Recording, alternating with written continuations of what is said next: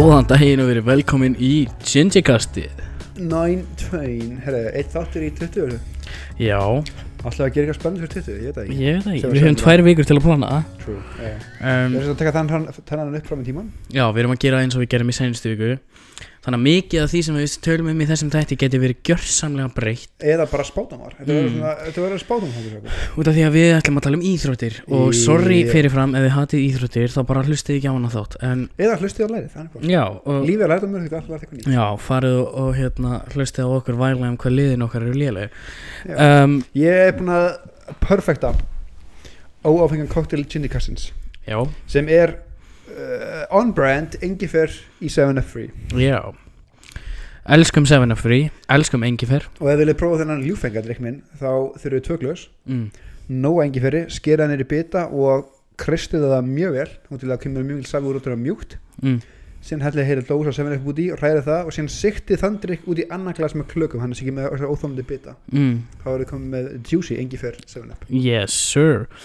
Um, Ef ekki bara díu okkur í, í íþróttinnar það er bara hver ég fokk með að byrja eða? Ég byrjum bara á Liverpool. Við skulum bara taka, taka plásturinn af.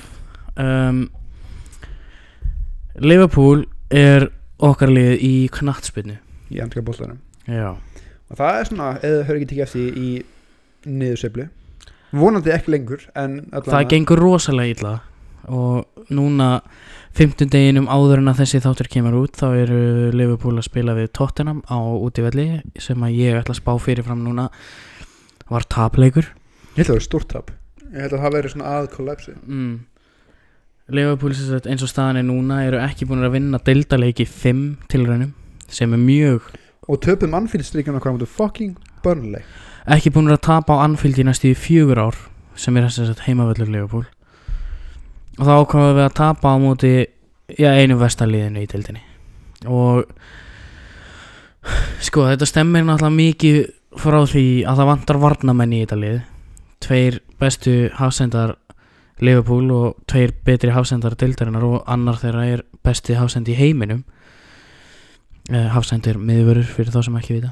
Miðvörður er gæin í miðjuna af vörninni. Já, að þeir eru báðir mittir út tímabilið þeir fóru báðir í nénu. Ja, ég held að Jordan Pickford markmaði tónu þessi réttræpur í í rauðaparti Annað var eftir tæklingu frá markmanni Everton á Virgil van Dijk sem er besti varnamæður í heimi. Um, Mark Vellunaður sá. Um, Já, hendi sér í afar gróttarlega tæklingu á, á van Dijk og, og sleiti í honum einhver, einhver liðbönd og eitthvað sitt crossband og fleira um, Svo gerist hitt hinn meðslinn á æfingu hjá Englandi þremur vikum setna mm -hmm. Þannig að á þremur vikum fóru Liverpool úr því að já, Liverpool eru bara að fara að vinna deildina aftur í það að vá Liverpool voru að hefnir en á topp fjórum. Já, svolítið. Og það gekk ágætlega svona til að byrja með voru ekki að tapa neinum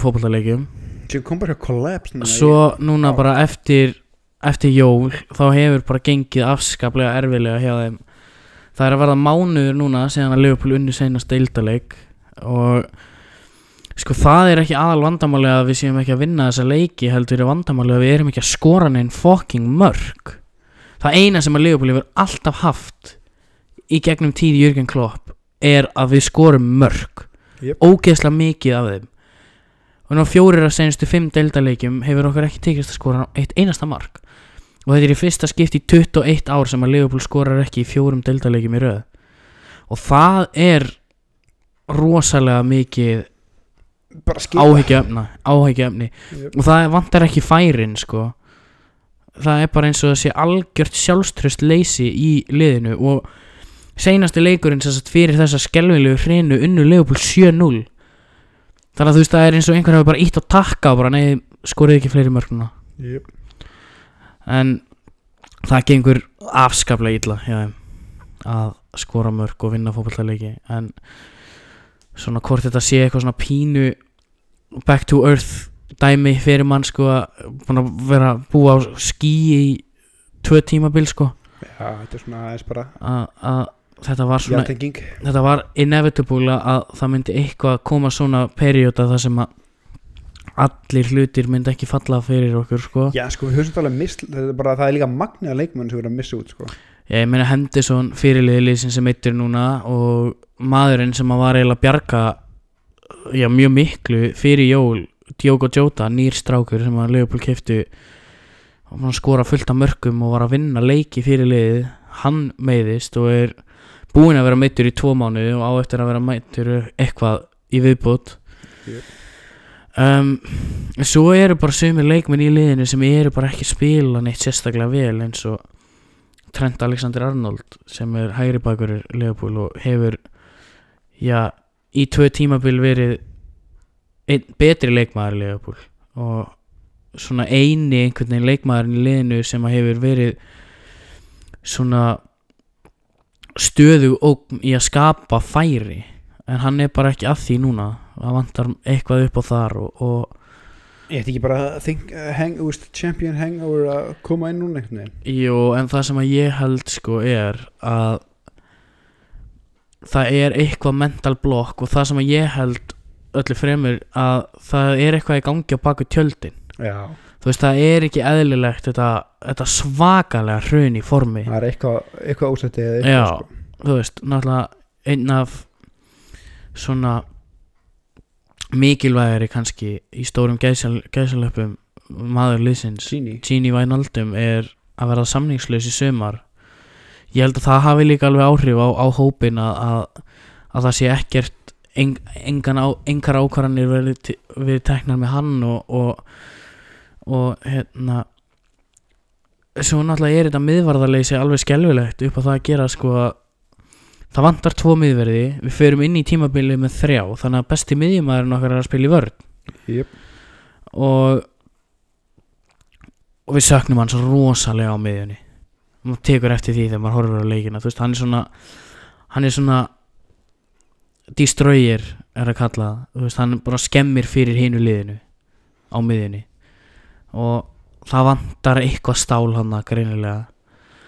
Og ofan á það þú veist að eitt, eitt stærsta íþróttafélagi heiminum hafi ekki séð þetta vandamál og að dressa það með því að kaupa varnamann núna í janúar glugganum er bara ég skil það ekki. Vantar ekki bara peningin í liðið sko náttúrulega COVID hefur haft rosalega áhrif á fjárhag allra knastmyndilega og og allra íþróttafélaga og margra fyrirtækja. En Liverpool voru sem sagt þrjú ár, tvö ári röð með hæstu sameili, samanlæðar tekjur frá sjónvarsréttindum og treyjusölum en þrjú ári röð með hæstu tekjur frá sjónvarsréttindum sem sagt.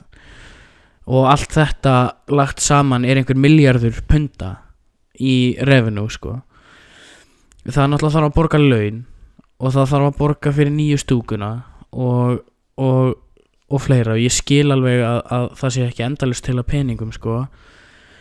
En það sé ekki til neitt peningur til þess að eigða þegar þú ert í svona krísu. Þá fyrir maður kannski aðeins að hugsa út í sko hversu vel er verið að reyka hvað klubb er í alvörunni? að það make a sense að eigða pening núna versus fjárhastapið sem verður ef þú kemst ekki í meistaradeildina já, en það Við er erum alltaf upplega það bara sjálfur í FM skilur Já. það í já, og ég var búinn að rífast oft um þetta við pappa sko að að að auðvitað þarf að finna rétta mannin þú veist það er ekki hægt að kaupa bara einhvern gæja og svo er hann ekki réttur og, og, Já, já. og hafa hent pening í mann sem að er ekki nógu góður og með sem hvað sem er á meistaradeildinni en mitt argument við því er að það vissu allir í sumar að Liverpool þyrfti að kaupa Hafsend út af því að Lovren fer frá klubnum og þú, Jep. það er rosalega erfitt að fara inn í tímabil með bara þrjá Hafsenda um, og ég skil alveg argumentið að vera sagt ekki að plana alltaf fyrir worst case scenario en ég skil ekki hugsunaháttin á bakvið það að ætla bara alltaf einhvern veginn að, að halda sér gangandi á einhvernum reddingum sko. Það skýta mig sér bara. Já, það er bara, það virkar ekki. Og hérna höfðu allt sumarið til þess að finna mann fundu greinilega engan, keiftu engan. En þeir meiðast sko setni meðslin gerast í november þannig að þeir eru búin að hafa núna tvo mánuði þar sem að okkur bráð vantar varnamann til þess að finna rétta gæjan og það er og ef þeir hefði fundið rétta gæjan þá hefði Leopold verið komnir með hann 1. januar sko. en út af því að hann hefur ekki fundist þá kemur enginn inn en bara hvernig fókaði fundur hann ekki ég, það er það sem ég er að segja sko. en þú veist, en svo þegar, þegar maður fyrir að pæla í þetta þú veist, að kaupa Hafsend og Hafsend uh, er ein erfiðasta staða í heiminum til þess að fylla út af því að það eru ekkert rosalega margir á þessu topp, topp leveli sko þú sér bara eins og United þurft að eða 80 miljónum punta í Harry Maguire og hann er ekki nógu góður sko það er líka bara því að hann hvað er hann yfir Woodward er ekkert Já. æðislega góður í samning við það sko. Nei, en en hérna það vantar einhvern veginn það, það er pínu eins og það hafi verið eitthvað svona rosaleg óákveðni í sömar sem að hefur þá valdið einhverju svona keðjiverkun að það er óákveðni núna og hefur verið óákveðni á meðan þessari, á þessari krísu stendur. Já bara eins og hefðu bara kefti upp með Kano eða Konate eða eitthvað svolítið sumar. Já, leikmenn sem eru vanir að spila hápressu Mhm. spila háalínu, spila kekinpress spila í svona bara svipara taktík og Leopold spila skilur mhm, og undir bara sumum pressununurlega því að Leipzig er líka í mestardildinni mhm þá hefði þetta ekki verið vandamál þannig eða miklu minna allavega. Já, en það sem að mér finnst svo erfitt að skilja í þessu öllu er að, að þegar að janúar gengur í garð þá er þú veist, þá erum við ekki komnir eins djúft í krísuna og við erum núna sko. En bara sko ekki bara framistuðunar í seinustu leikjum heldur líka bara einstaklingsframistuður frá þeim sem að hafa þurft að stíga inn í vörnina bara eins og í dag í dag er sem sagt 24. janúar og í dag spilaði við Manchester United í, í FA byggarnum og það er 19 ára strákur sem að byrjaði í vörninni fyrir Liverpool í dag sem að gaf United eitt af mörkunum og ég ætla aldrei að fara að sakast á hennar strák út af því að þetta er einfallega bara þeim sem að ráða yfir leikmannaköpum að kenna að það sé verið að henda svona ungum strák í eina djúpustu laugina í boltanum. Bara stærsti darbi í heiminum. Já. Að þú veist, auðvitað höndlar hann ekki pressuna og þú veist, ef hann hefði gert það þá hefði hann fengið svo mikið lof fyrir en hann gerði það ekki og það er ekki honum að kenna sko. Heldur það þeim sem að sjá um að kaupa leikmann yep. Það er þeim að kenna. Og, og þú veist þetta er orðið útlitið er svart sko. Sex stigum frá toppnum í deildinni.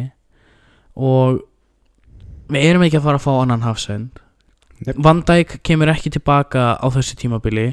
Gómez kemur ekki tilbaka fyrir en í november þú veist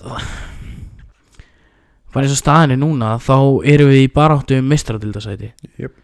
sem er rosalega lélegt mjög skýrnum staða en maður erum ekki vanið í sem Leopold Nei, ekki, ekki, ekki með að við seinustu tvö ár og, og, og flugið sem að liðið hefur verið á.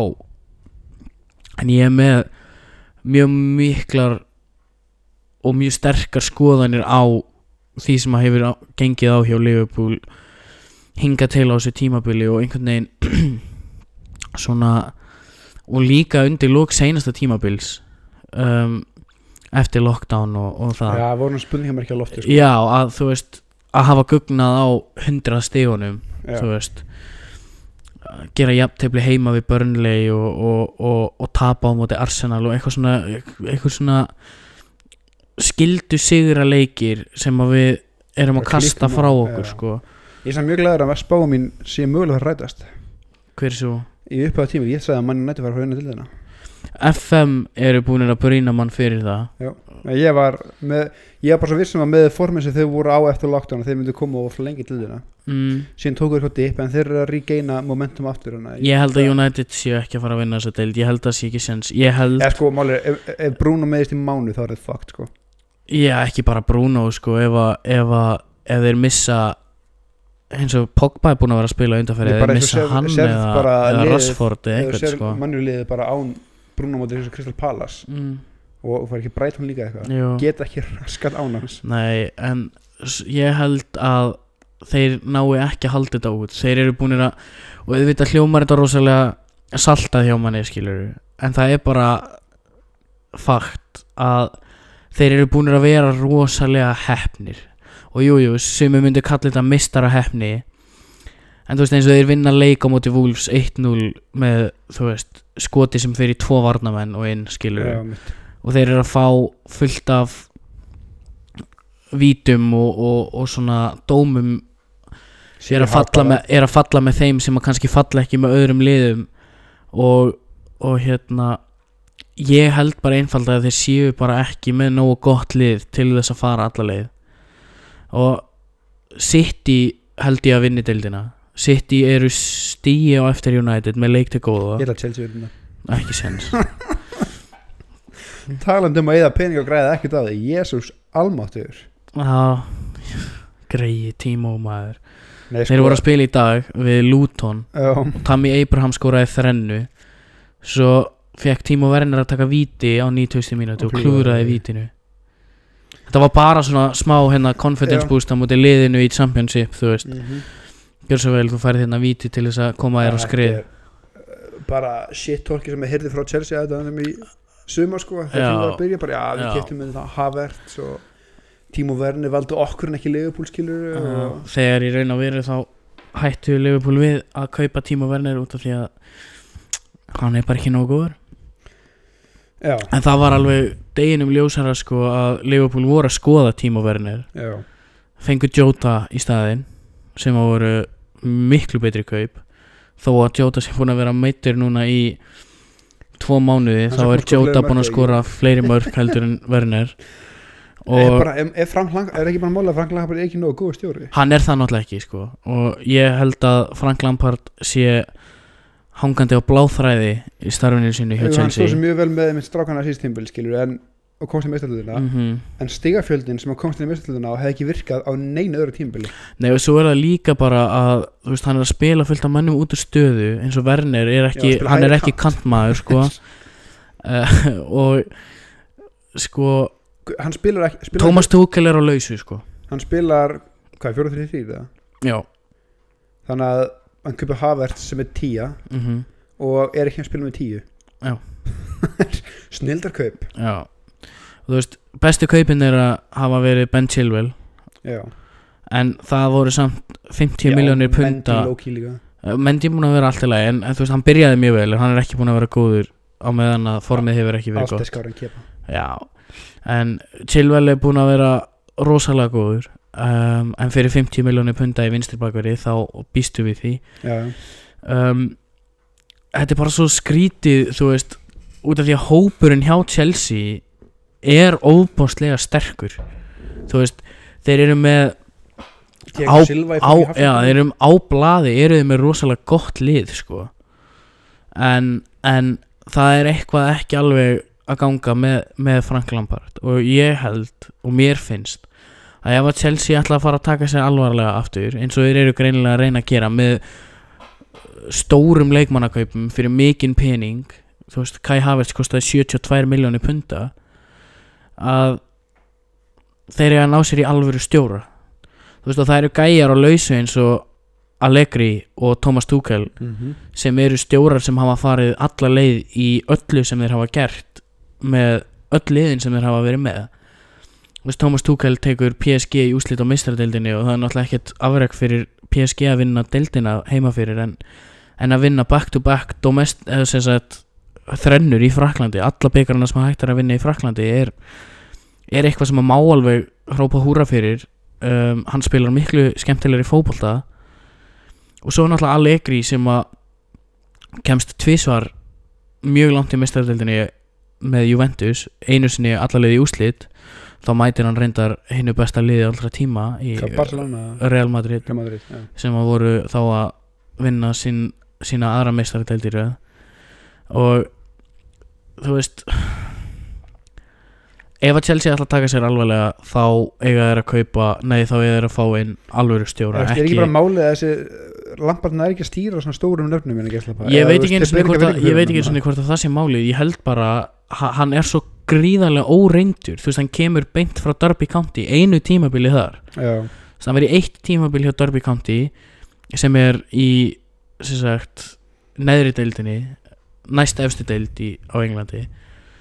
Gerir ágætlega með þeim en klúrar samt að koma þeim upp. Já, og tekin beint þaðan inn, inn til Chelsea.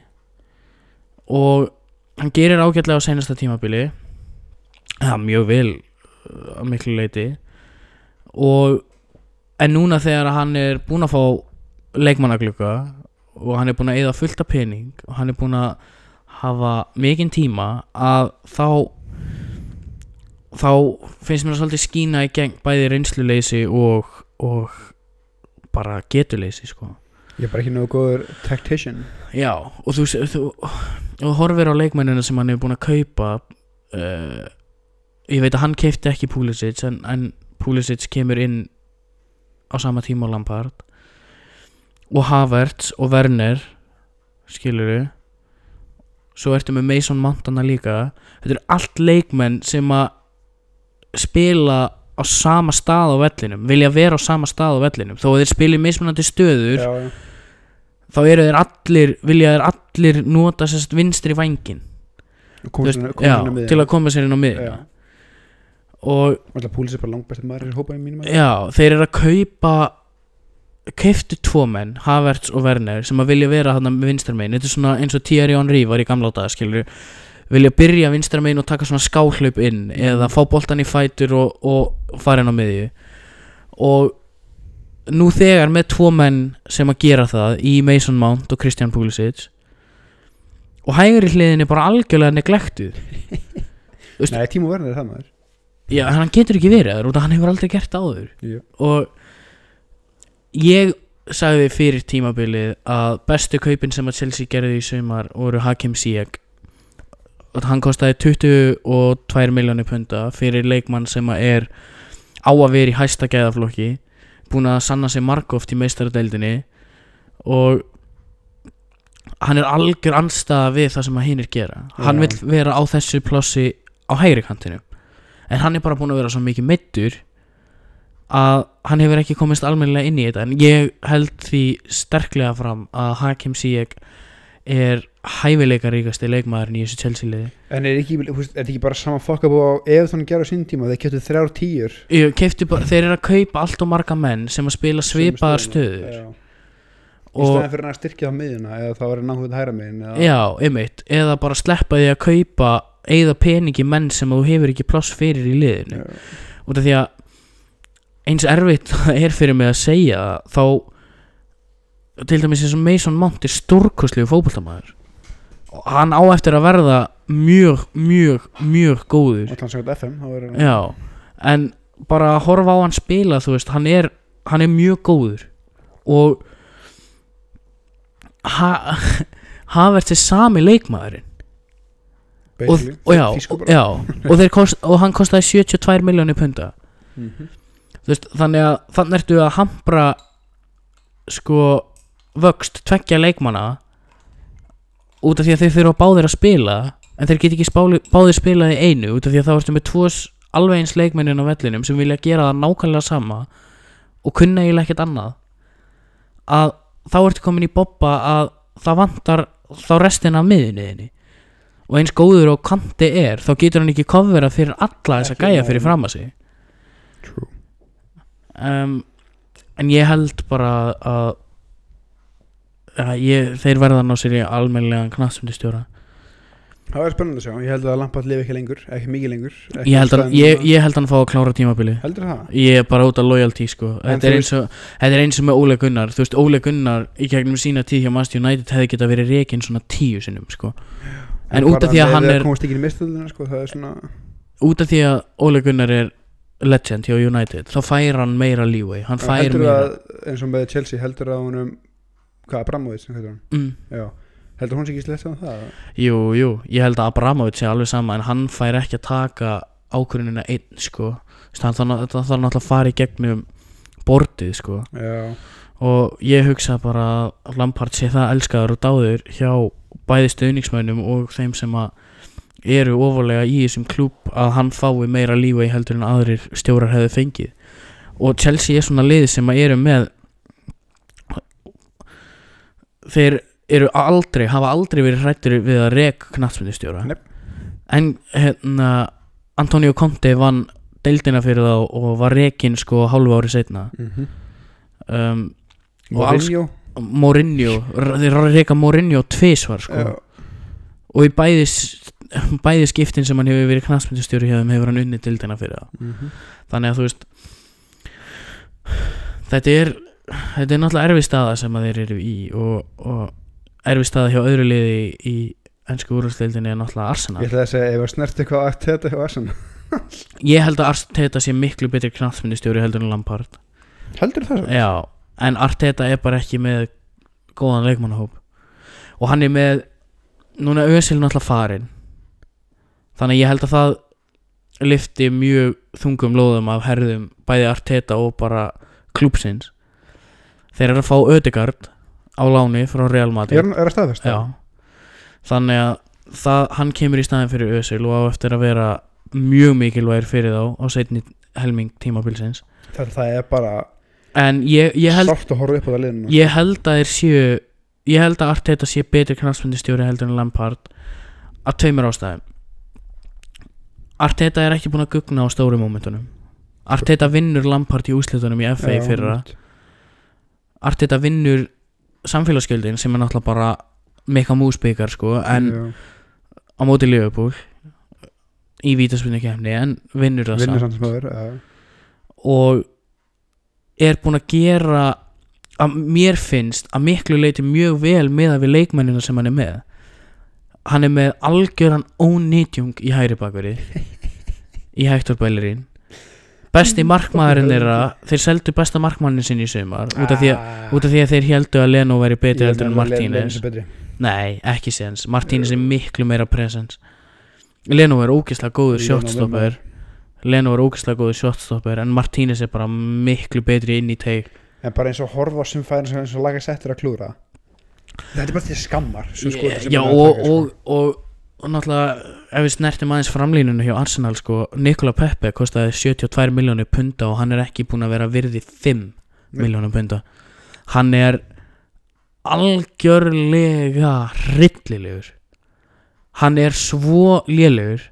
Þú veist ég var á mínum tíma á, á sínum tíma rosalega svektur út að Liverpool ætlaði að kaupa hann sko. Liverpool voru búin að skáta hann í drasl og voru búin að ákvaða að kaupa hann.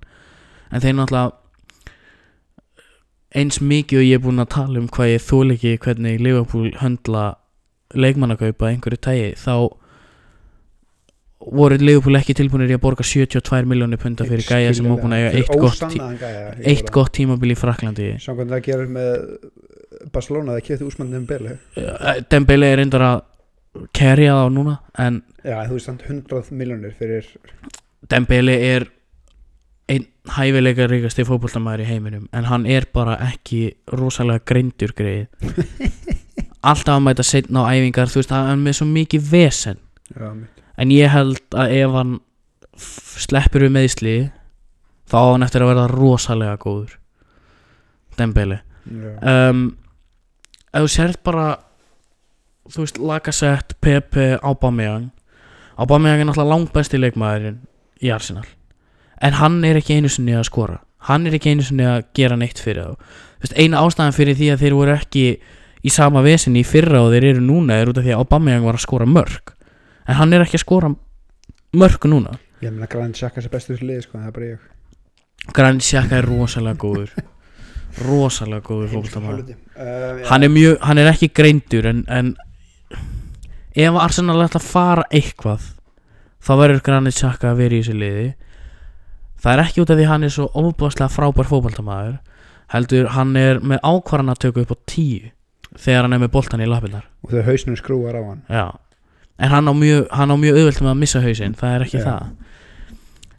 Ég held að svona öllu grínislegt besti leikmaðurinn hjá Arsenal er Thomas Partey sem er keiftu í sumar. Sem sem er bara búin að vera meittur þú veist. Um, og ég man hann var hjá Atletico Madrid ég man þegar hann var að spila fyrir Atletico Madrid móti Liverpool ég var að, ég hata hann sko. Hann var allstar þessi gæi. Er ekki kemur líka maturinn í mestöðinni? nei, Leipzig. Leipzig, já. Sem er tap by the way.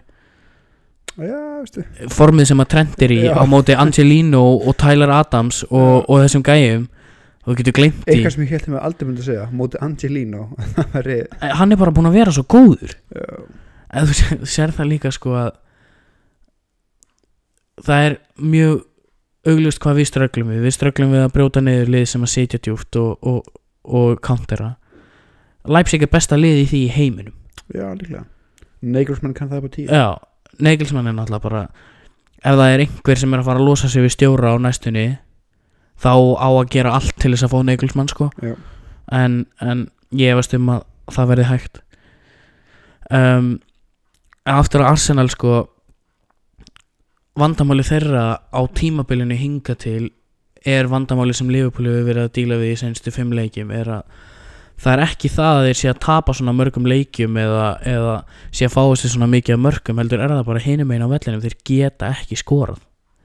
Og ég man þegar að Liverpool keiftu hérna Sala og Arsenal keiftu Lacazette þá var ég svo mikill í fílu yfir því að Liverpool hafi ekki keift Lacazette.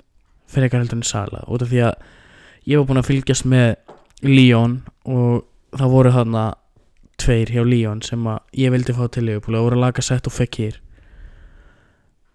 Svo fer Lacazette til Arsenal Og fyrir kýr fyrir Real Betis og öllum liðum. Fekir á að fara til Liverpool og það verður eitthvað vesen með það. Þú veist, hann var búinn að fara í lækniskoðun og allt skilur það þurfti bara að skrifa undir samningin og þá kom eitthvað vesen upp þannig að hann kom aldrei til Liverpool. Um, frábær fótboltamaður og er langbæsti maðurinn í, í Real Betis. Kannski ekkit rosalega erfitt en Ná, Ekki mjög samkjörnum uh, í, það er svo erfitt að horfa á þetta Arsenalið og segja annað heldur en að þeir séu að underperforma út af því að ef þú horfir á leikmennina sem þeir eru með í öllum stöðum náttúrulega fyrir utan ónýtjöngin í hægri bakveri sem er Hector Bellerín að þá eru þeir með ágætis leikmenn í flestum stöðum á vellinum sko. Leno er ágætis markmaður og Gabriel sem þeir keftu í sumar er fínasti hafsend. Tierney er frábær vinstri bakverur Sjaka er fínasti leikmaður þegar hann er með boltan í lappinnar Partey á eftir að vera mjög mikilvægir fyrir þá og náttúrulega Lacazette á Bameyang og Pepe þetta eru allt gæjar sem að eiga að skora fullt af mörgum en þeir bara gera það ekki. Vantar eitthvað svona element í það? Vantar tengilið á milli varnar og sóknar og það er nákvæmlega það sem þeir eru að fá með Ödegard og ég held að Ödegard eigi eftir að, að já hann áttur að slá í gegn held ég. Ég held að hann Já. eftir að vera rosalega mikilvægur fyrir það núna setni hluta tímabils. Um, svo er bara svo er fullt að liðum hann uppi þú veist, hátt í töflunni sem að maður er alltaf að býða eftir að þau hrinni og þau eru ekkert að hrinja Tottenham, Leicester. Tóttina mig alveg vera hann uppi sko. þeir eru með ógíslega stert lið og náttúrulega besta knatsfinnistjóra allra tíma. En Ég elska ekki Tottenham að það er Tottenham eru, eru svona kundur enn svo dildarinnar já, Það er svona stælar í þeim alltaf Þeir eru svona með svona óþara brot og svona leiðindi sko. Já, Og svo gaman að horfa að spila já. En við erum alveg magnað hvað tóttinam eru búinir að vera lélegir í stigasöfnun með við hvað þeir byrjuðu vel. Já, um, Harry Kane og Hjön Minsson eru náttúrulega stórkostlegir fótballtamenn og uh, Harry Kane ef ég, ef ég fengi að velja einn leikmann úr öðru liði í ennsku úrhaldsdeildinni til að taka yfir til Leopold þá myndi ég örgulega að taka Son eða De Bruyne, það er annarkvort en mér finnst bara magnað að þeir hafi komist á svona gott rönn á meðan að Erik Dyer er fasta maður í liðinu hann er ekki góður í fótbolta. Hann á engan veginn að vera hjá Tottenham Hotspur. Hann væri flottur í Burnley. Já. hann er bara svo hann er svo rosalega mistækur. Já. Og en svo líka bara eins og með hérna Everton til dæmis. Hvenær að í óskapunum ætla þeir að hætta að vinna fótballtaleiki Já, true. Þú veist, þessi setlundi tímul sem verður mjög áhugaverður. Já ég meina Lester, Everton og Southampton það hlýtur einhver tíman að koma tímapunktur þar sem þessi lið hætta að vinna alla þessa fótballtaleiki út af því að annarkvort, sko Ancelotti hjá Everton er náttúrulega stórkostlegu knarfindstjóri hann er einn af þeim allra, allra bestu. En hann er ekki með svona gott lið veist, það hlýtur að koma tímapunktur þar sem að gæðina leikmönnunum nær honum og býtur hann í raskatið. Heldur það samt. Ég, ég held það, sko, ég er að vona það. Ég hata Everton. En ég er að vona það út af því að sérstaklega tilbaka Pickford er ekki góðu markmaður. Hann er geggjað markmaður hann er hryllilegu markmaður. Hann er ömulur hann er kannski ekki ömulur hann er ekki góðu markmaður. Ég myndi setja hann í sko hann er ekki topp 10 í hans skúrulstildinni þú veist Michael Keane og Jerry Mina hafsendanir í þessu liði. Þeir eru bara búin að vera ræta eitthvað wave af einhverju svakalegu formi og ég bara skil ekki hvernig út af því að þeir eru ekki svona góðir. Greinilega, jú. Það kemur öruglega tímapunktur þar sem að eitt af þessum liðum byrjar að droppa off. Út af því að sko en samt, þú veist, knaspendustjóraðir hjá öllum þessum liðum eru stórkostlegir. Ég bara sá hann tóni Európtöðina ég til í það. Ég meina Hasenhúll er frábær knaspendustjóri Ancelotti er einn af þeim allra bestu Brendan Rodgers er frábær knaspendustjóri þú veist það er rosalega langt síðan að gæðina knaspendustjórum í ennsku úrvaldstildinni var svona hár. Sko svona góð en samt svona slög líka sem er Lampard og svona óreindir kannski fyrir Já, Lampard, Arteta og Ole Gunnar Solskjær eru náttúrulega ég er alveg mjög staðfastur á því að Ole Gunnar Solskjær er ekki góðu knastmyndistjóri mér finnst það ekki skrítið að um leið og Bruno Fernandes er keiftur inn í þetta lið þá fara þær alltaf inn að vinna fótboltaleiki. Já.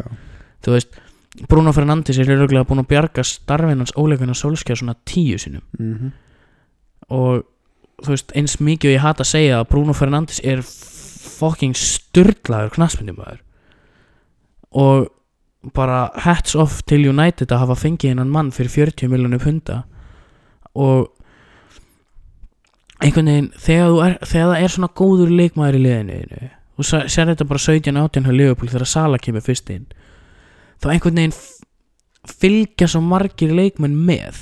Þú veist hann bara rýfur allt liðið upp um heilt level. -hmm. ég bara vann dæk með vörnina hjá- Já. Og, og það er það sem að Bruno Fernandes er að gera fyrir sóknina hjá United og, og, og, og miðjuna vissuleiti líka út af því að maðurinn er algjör rotta sko, hann hættir ekki. Hann hættir ekki að hlaupa. Hann er svolítið róttulegur hann er svolítið róttulegur framan líka það minnir mig rosalega á Suárez. Já, það er alveg trú en pæling, ef við henda okkur vestur yfir haf? Gerum það. Sko, það er annar playoff leikur í gangi núna bara we speak.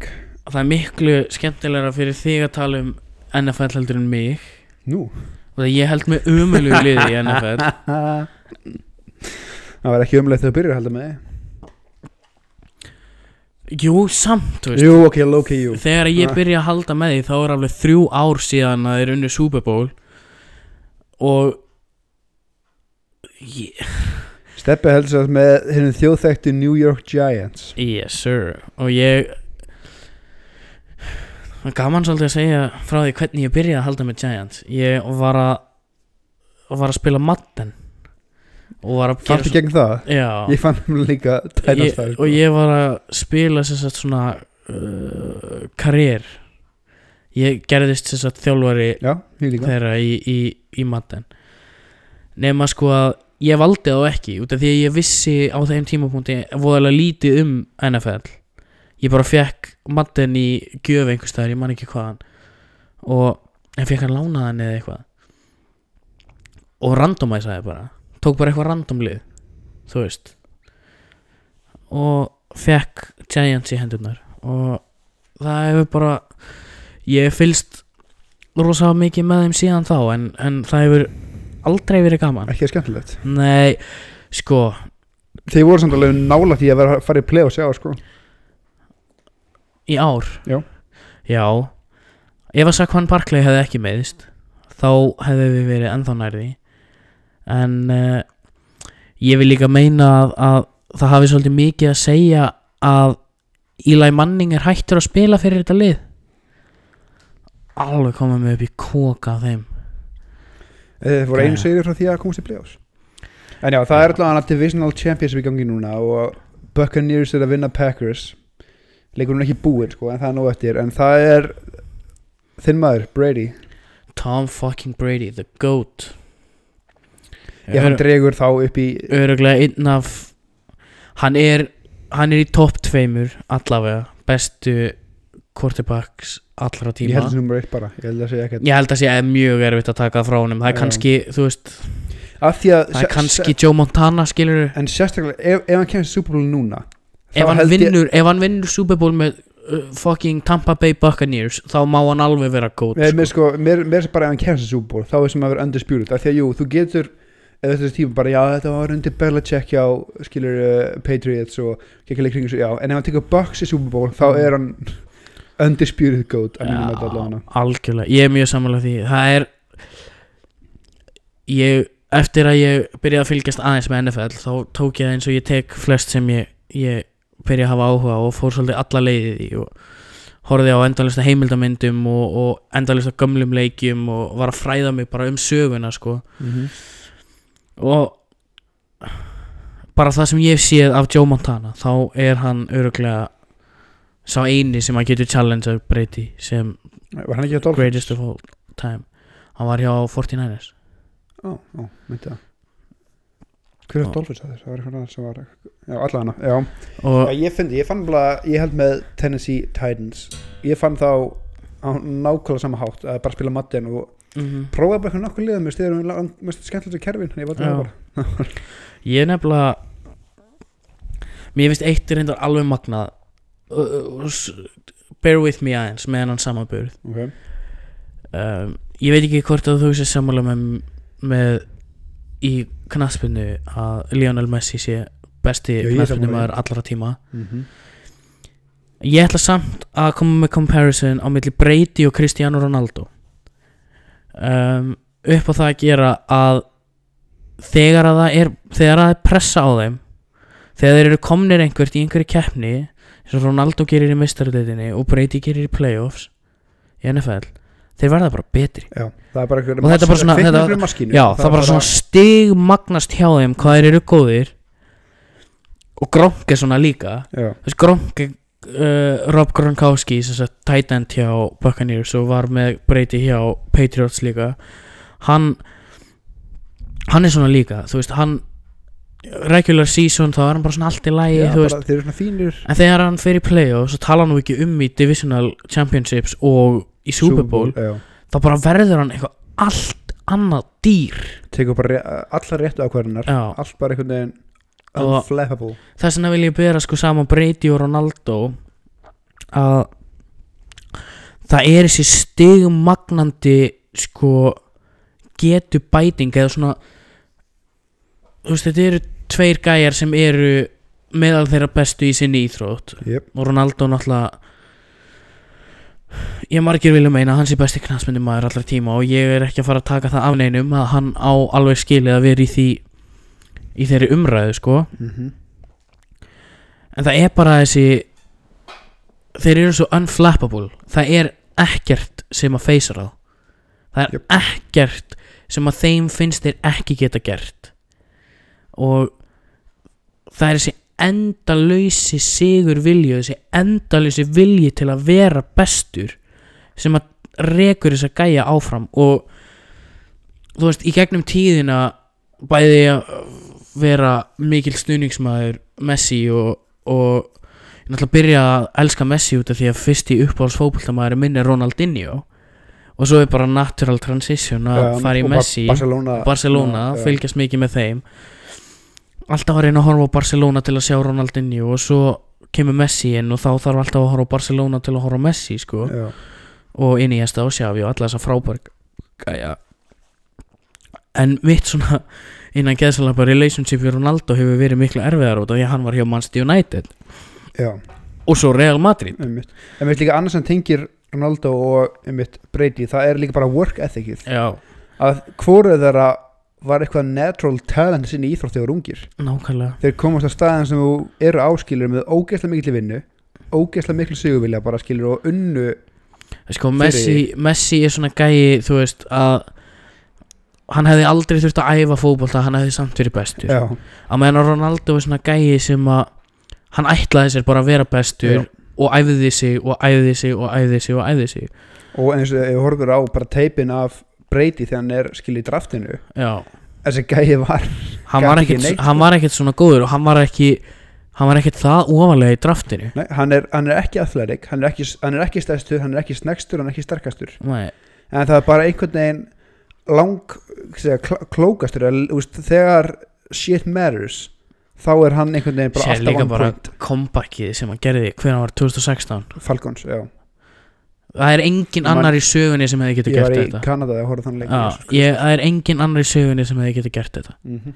og veist, NFL er orðsa heated debate stundum á milli mín og litla bróða mín sko, honum finnst þetta ekkert skemmtilega.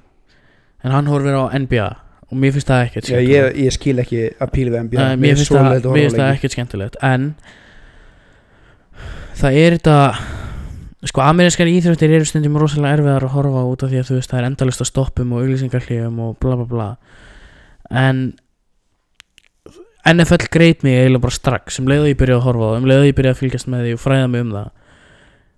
Og þú veist ég get ekki ég er ekki af þessum NFL gæjum sem getur sagt þér bara hvað allir gaurar í öllum liðum heita eða whatever skilur, ég fylgist með mínu liði og svo þekki ég stærstu nöfnin úr hinum liðunum en það er einhvern veginn alveg sama á hvaða leik þú horfir næstum því, þú fær alltaf skemmtun út úr því. Já, þetta er alltaf svona áhugaverð Og þannig er leikurinn bara byggður upp Þú veist, þetta er einhver köst og hlaup og, og þú átt að komast þangað Þú veist Til þess að fá snertimark og bla bla bla skilur Þú veist, þetta er svona líka svo allt öðru sem nálgun á bara íþrótt heldur en fótbolti Já. og svona íþrótt sem við erum væðin svo handbolti Já. og þetta þetta er miklu meira skák fyrst mér. Algjörlega. Og, og það skiptir rosa miklu máli til dæmis að quarterbackin sé ógeðslega góður út af því að hann þarf að taka ákvarðanir um hvert hann ætlar að kasta boltanum eða hvort það er hlaupa með hann eða mm -hmm. eða bla bla bla. Þannig að þú veist að mjög stallega mjög gaman að þessu og ég hlakka til að sjá hverjir komast í Super Bowl og þar að leiðandi hverjir, hverjir vinna Super Bowl. Ég spáði því fyrir tímabilið að Kansas myndi vinna aftur. Já, það er ekki víst núna með Mahomes nei og núna er Mahomes sem, sagt, sem er quarterbackin hjá, hjá Kansas hann er hann er mittur eða hann fekk heilarhristing ég man er- ekki hverjum ég spáði s- ég held, ég, ég, ég held í fram við einhvern, ég man ekki, ka- kannski örglega þig að Chiefs myndi fara back to back en ég held í alveg ég hef satt 49ers sem síðan bara áttu já, eitt versta sísum bara í Ga Garoppolo er hjá 49ers eða ekki Jú. núna? Já. og þeir bara all, allir að mittist trekk í trekk sko, hann var svona kollaps á Já. þeim sko. Ég var rosa spenntur fyrir bæði Rams og 49ers ég var mjög spenntur að sjá hvað Raiders myndi gera. Um, ég var spenntur náttúrulega að sjá hvert breyti geti farið með Bucks sko. Já, hann var augljóst. Og, og Packers voru komið með skemmtilegt. svo er alltaf gaman að horfa á Packers út að Aaron Rodgers er stórkostlegur. Já, og þeir tóku svona mjög og svo strong campaign fyndi að sjá veist aldurinn á quarterbackinum sem voru já. í divisional championships. Þú veist Brady er 42 ára Rodgers er 37 ára. Nú, Drew Brees með Drew Brees er 42 30 ekki- Nei, hann er 40 eitthvað sko. hann er 40 eitthvað, ok. Ég held að hann á Brady sem er sjöfakannir já. Og svo Mahomes sem er þú veist 27 ára. Já, yngri heldur, hann er ekki gammal sko. þannig að þetta er svolítið skemmtilegt. Og menn menn fara svolítið langt í þessu á hausnum sem quarterback sko. En restin af stöðunum á vellinum þú ert búinn 30 sko. Já, þú veist þetta er svo mikið af barsmiðum og meðslum það er svona eininningarinn að milli eins og Gronk sem já, tóra lengur sko. en, Já. það er, en sko, við erum eftir að taka, taka upp einu sinni áður, aftur að áður en Super Bowl er. Já. En vilju henda í prediction fyrir? Ég ætla að segja að Brady og Bucks taki þetta allaveg allaveg, en hver, það er sko hinleikurinn er Chiefs og Bills. Heldur að Chiefs geti tóra út? En því að Bills eru með sturlalið líka. Ég ég held að meðslin ef að, ef að Mahomes er ekki með þá eru þá eru Chiefs ekki séns. Ég er nefnilega svo hrættum það líka. Það uh, er rosalega skemmtilegu leikur að sjá Bucks Chiefs. Um, nýji skólinu á móti gamla skólinum svolítið sko. Það var einmitt það, það var einmitt, ég var nefnilega annarkvort til að sjá Bucks Chiefs með Mahomes um, kláran, ég hefði hann hljóðar tilbúið til tverr vikur sko. Ég vonandi. Eða mér langar líka að sjá Packers Bills. Það er einhvern veginn bara pure offensive lið skilur Já.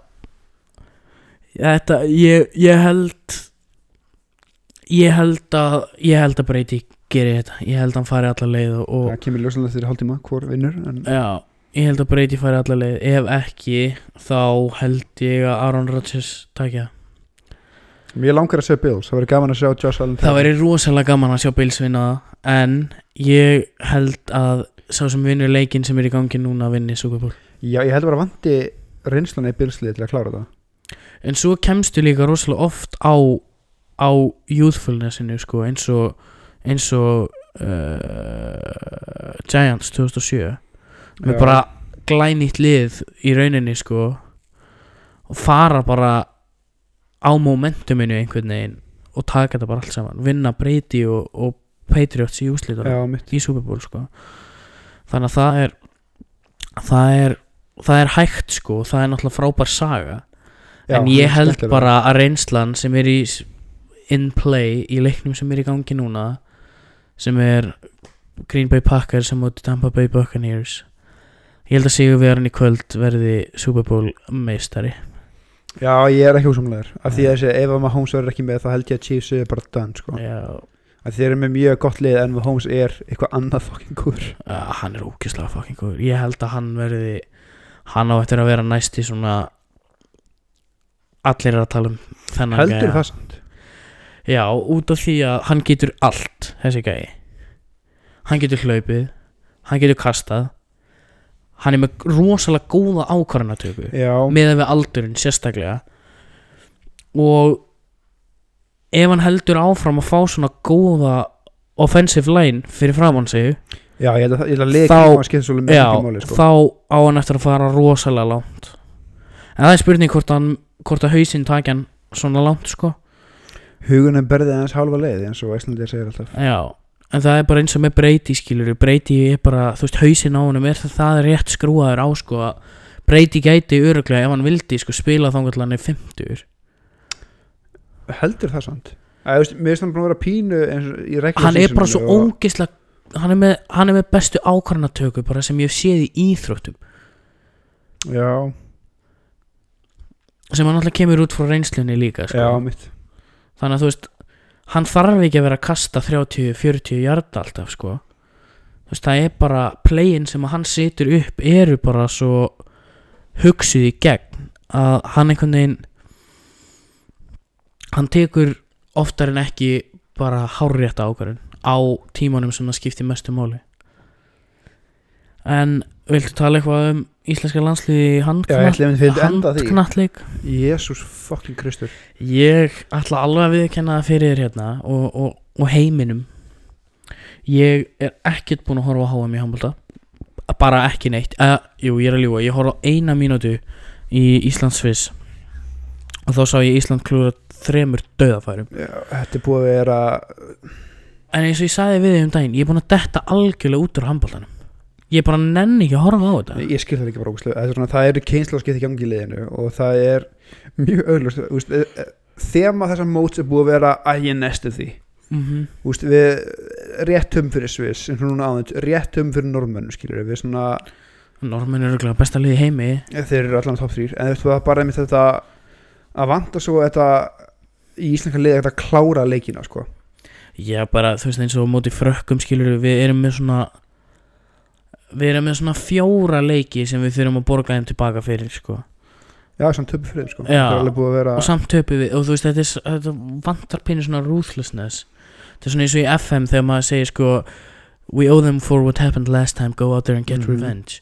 Þú veist, við erum búin að tapa svo mikið af stórum leikjum fyrir frökkum. Og við vorum svo nálætt í Jöp. en þá vantaði bara heslu munin en það er líka bara eins og núna er svo, við erum með mjög mikið af flottum einstaklingum Úst, við erum með strákar sem eru um allt í atvinnumennskunni og það er þannig sem mjög vel. Þeir bara spila ekki saman sem lið. Þetta, þetta bara fungerir ekki bara, tekur það ekki bara tíma samt? Eða þú veist. bara svo uppáhalds bara eins og núna í leiknum á hann sko markið mitt var eins og Bjarki Már Eilisson mm. mjög flinkur maður eins og ég hef heyrt núna marga ofta hans sem markastur í búndislíkunni Mm en það er svolítið eins og að geta kanta eitthvað til að skipta máli að hann, hann jafnað undir lók leiksins hann klúra því skilur -hmm. Að, jú, hann skóraði 12 mörg mútið allsýr mjög vel gert skilur en mér finnst alltaf á þessu móti, eftir alltaf þegar það, við relægjum á hann þegar hann þarf að slúta þá tjókar hann og Mm. klúrar og mér finnst það svolítið þema í þessu liði, allir er rosalega flottir það gengur vel. Og rosalega flinki skilur þegar við erum 6 mörgum yfir og einhver hoppar upp skeitar hann en þegar pressan er á það veginn þorir enginn að taka ákvarðanir og þorir enginn að gera neitt sko. Nei, ég skil því það vantar svo reynslun í þetta lið og að geta spila sama sem fokkin og ég veit ekki hvort þetta sé algjörlega út af, þú veist, út af því að ég veit ekkert um handbólta en ég hefði haldið sko að Gummi hefði getað komið með einmitt reynsluna inn í reynslu lítið lið bara sem þjálfari að sko gera þá að meiru heldur en þeir eru þá ekki sem leikmenn heldur sem lið. Jú, og það er hann, sko, ég er búin að vera í heated debate við strákana, eða vinni mínu úr handbóltana með þetta. Já, mér finnst hann að gert það. Við, veistum við um engan veginn rétt á því að hafa bara tapað fyrir með tveim mörgum mæ eða skilur, e- eða bara hafa verið inn í leikjanum sem mikið við vorum með hópin sem höfum, sko. Þeir eru ekki saman á mér en, Mæ, nei, ég er svona, þetta er búið að vera agonizingly close fyrir all, alla já, en það vantar alltaf þetta loka pús að klára, sko. Sem erum svo slæg, jú, við erum geggjað mútið Alsýr og Marako, liðin sem uppkvölduð handbólta fyrir fjórum ára, sko en þegar kemur að því að gera eitthvað þá já. fall flat. Hver er- að með spá hverju vinnur þetta mót? uh, Normen, Normenn, hvað segir þú? ég veit það ekki alveg. Mér finnst frakkar hafa verið fyrir ósafærandi Hvað Ég ætla bara að go classic, ég vil segja Danmörk. Ok. Hvað heit hann aftur hann að Karabatic, er hann eða að spila? Ég veit ekki alveg hvar þeir, hvað þessi geminni formalíni eða eitthvað Ég veit ekki hvað sem með í hópnum, ég veit að litli bróðans er allan sko. Mm. En ég veit ekki hvað Niklas Krabat sé í hópið ekki, ég það ekki alveg Ég man bara eftir þessu svaka frakka liði með með Luka Balú og, mm og Já, sín er þeim með endalega supply að einhver leikmann Því að um liða Luka Balú hættir, þá komur annan gæði inn Nákvæmlega eins, Mhm. alveg eins handbóltamæður og Luka Balú, Karabatic og hvað heit hann hann að markmaðurinn? Ómægir Ómægir Já, nýja markmaður er með þess líka, jafnstór hann á sköldur Mhm. Þeir eru bara með einhverja versmiði fyrir Ég man bara að þetta var bara svona á tveggja, þryggja ára tímabili þá var þetta bara ósigurandi lið. En þjóðverjar geta þeir eitthvað? Alls og gíslaði þjálfa. Þeir eru að vera líka shaky En það er líka af því að Eitt bestalið í Þísklandi Kíl mm. Þeir, þeir neitu að senda leikmenn Já, á þetta mót Eða hvort allir hafi, ég veit alveg að það er í fyrsta skipti núna Í mjög langan tíma sem engin leikmenn á Kíl Er í Þískland skil. Þannig að þeir eru með weekend team sko. Já, ok. Þannig ég hef ekki miklu trúa þeim. En já, þetta er búið að vera svona vombreyta mót Já En einhverja fleiri íþrótti sem við getum snert á Keila? Það. Það heimsmyndstur á móti í Keilu Nei, mér langar rosalega að skýði bráðum oh. Ég skal koma með þér á skíðum Ég skal bara býða niðri Drekka kakó Ég þarf að kynna þér að skýða Já, endilega Og hérna Það er svo fucking gaman? Ég var einu sinni finn á snjóbretti Hvað gerist? Ég hætti að fara á snjóbretti. Svo fór ég einhvern tímann upp í fjall Og veist, var ekki búin að fara á bretti í, veist, 8 ára eða 6 ára eða eitthvað. Gæti ekki staðið í lappirnar og mér var skeið kallt og þetta var bara ömuleg ferð. Nei, já, með þess að skýði og skó allan pakkan sko, ég veit ekki hvað ég fyrir ekki áttar um, Ég veit ekki svo að Bláfell er búin að opina eitthvað út af COVID Nei, það er búið að vera. Ég sá einhvern status frá þeim á Facebook Það sem ég voru að segja sko veist, eitthvað enn annar dagurinn sem við getum ekki opnað eitthvað svona, þú veist, það er búið, búið að vera COVID og vondveður og Já, ég sann sá að það var ljós upp í fjalli í gerð þegar að kera það er búið að vera ljós upp í fjalli alveg ógsláft sko, en bara ekki opið. bara ekki opið. Nice. en Ég hérna, var náttúrulega svolítið kannað eftir að skýði, ég fór það fyrir tveim árum. Nei, ég væri alveg til í að koma með þér til Kanada á, á skíði og, Við þurfum nefnilega að fara til bán saman, heil hún fílaði botn já, Kla, langar- Klappa einhvern skóabjörnum og Já, mér langar rosalega að fara til Kanada bara En hérna Já, fyrir þá sem er að veltaði fyrir sér þá horfum við ekki á körfubólta Nei, við verðum kóruð þeim pakka. Um, Áttu liði í Ísvaki Á Íslandi í útlöndum. Calgary, Calgary Flames Mm, Alveg rétt. Og með þá derhú religiously í mjög mörg ár. Ég Ég var alltaf hrifin af Pittsburgh Penguins Böðum nafninu eða? Nei Ég held að hafi verið í Pittsburgh Penguins. Það þar sem heit Crosby kannast þetta var Það er annað svona Ég spilaði NHL 2009 já, já. Og hann var besti gæinn í leiknum þú veist, með þú veist, 97 í reyting eða eitthvað. Ég spilaði bara með honum.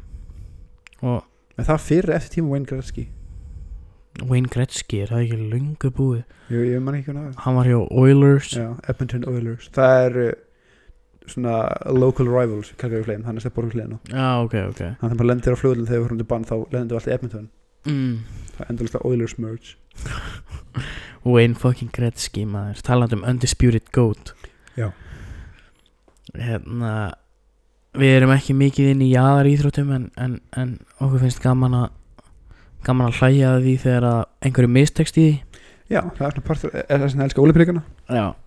Ólimpíuleikarnir er reyndar eitthvað sem ég get alveg hort á bara allar greinarnar í. Já, líka maður dettur eins og random fucking hluti. Gauir, Þú bara svona, æ, ég ætla að mér leiðis Ég ætla að horfa hérna á uh, spjótkast Hvenna seinustu vetrar ólimpíuleikar þá satt ég einhvern tíman í klukkutíma að horfa á hann að skýða byssu dæmið hann Það er svo fucking gaman. Það, það er bara eitthvað skemmtilegasta sem ég hef Það lúkar eitthvað svona, ó, þú veist það skýða á hann byssu sinni klúra ekki og þú bara fucking lúði.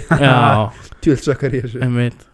Og öll svona stökk og allt með þess að Ok, alltaf okay, Hversu brenglar í hausnum þarf þetta að vera til þess að vera skýðastökkari Já, svo Þú er það náttúrulega að borga mér svo Gaur. mikið penning Sum af þessum stökkum eru bara mesta rugl sem ég séð. Þú ert að stökkva Þú ert í loftinu í fleiri, fleiri, fleiri sekundur Jep Sér lendir bara búff komið. Leið Og brýtur engin bein. Hvað ætli sé að? Er við getum ekki tekið hann þátt ansam minnast eitt. Mm.